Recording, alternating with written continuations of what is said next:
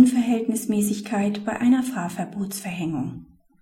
Ein Geschäftsführer einer expandierenden Gesellschaft, der zugleich Präsident eines tariffähigen Arbeitgeberverbandes ist, kann darauf verwiesen werden, zur Abmilderung der Folgen eines Fahrverbots einen Fahrer einzustellen. Gegen den Betroffenen war wegen fahrlässiger Geschwindigkeitsüberschreitung ein Bußgeldbescheid ergangen, in dem neben der Geldbuße auch ein Fahrverbot verhängt wurde. Das Amtsgericht hat den Einspruch des Betroffenen verworfen.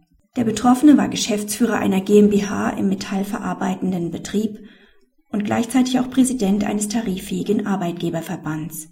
Er ließ im Hinblick auf die Folgen eines Fahrverbots durch seinen Verteidiger ausführen, dass seine Firma nicht in der Lage sei, für die Dauer des Fahrverbots einen Fahrer einzustellen.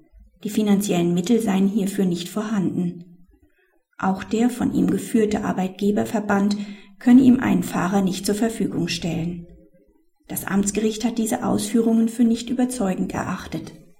Im Hinblick auf die berufliche Stellung des Betroffenen hielt es die Darstellung des Verteidigers des Betroffenen, wonach ein Fahrer aus finanziellen Gründen nicht eingestellt werden könne, für offensichtlich neben der Sache liegend, so dass auch das im Bußgeldbescheid verhängte Fahrverbot bestätigt wurde. Praxishinweis die Regelfahrverbote nach 5 Absatz 1 StVG und 4 Absatz 1 BKV enthalten eine gesetzgeberische Vorbewertung, dass sie nur besonders gefährliche Verhaltensweisen betreffen, deren Begehung in objektiver und subjektiver Hinsicht in der Regel ein Fahrverbot indiziert.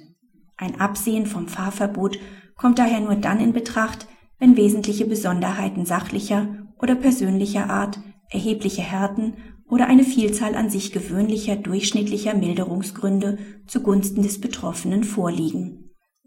Diese müssen zu der Beurteilung führen, dass das Fahrverbot sich als eine unverhältnismäßige Reaktion auf die Tat darstellt.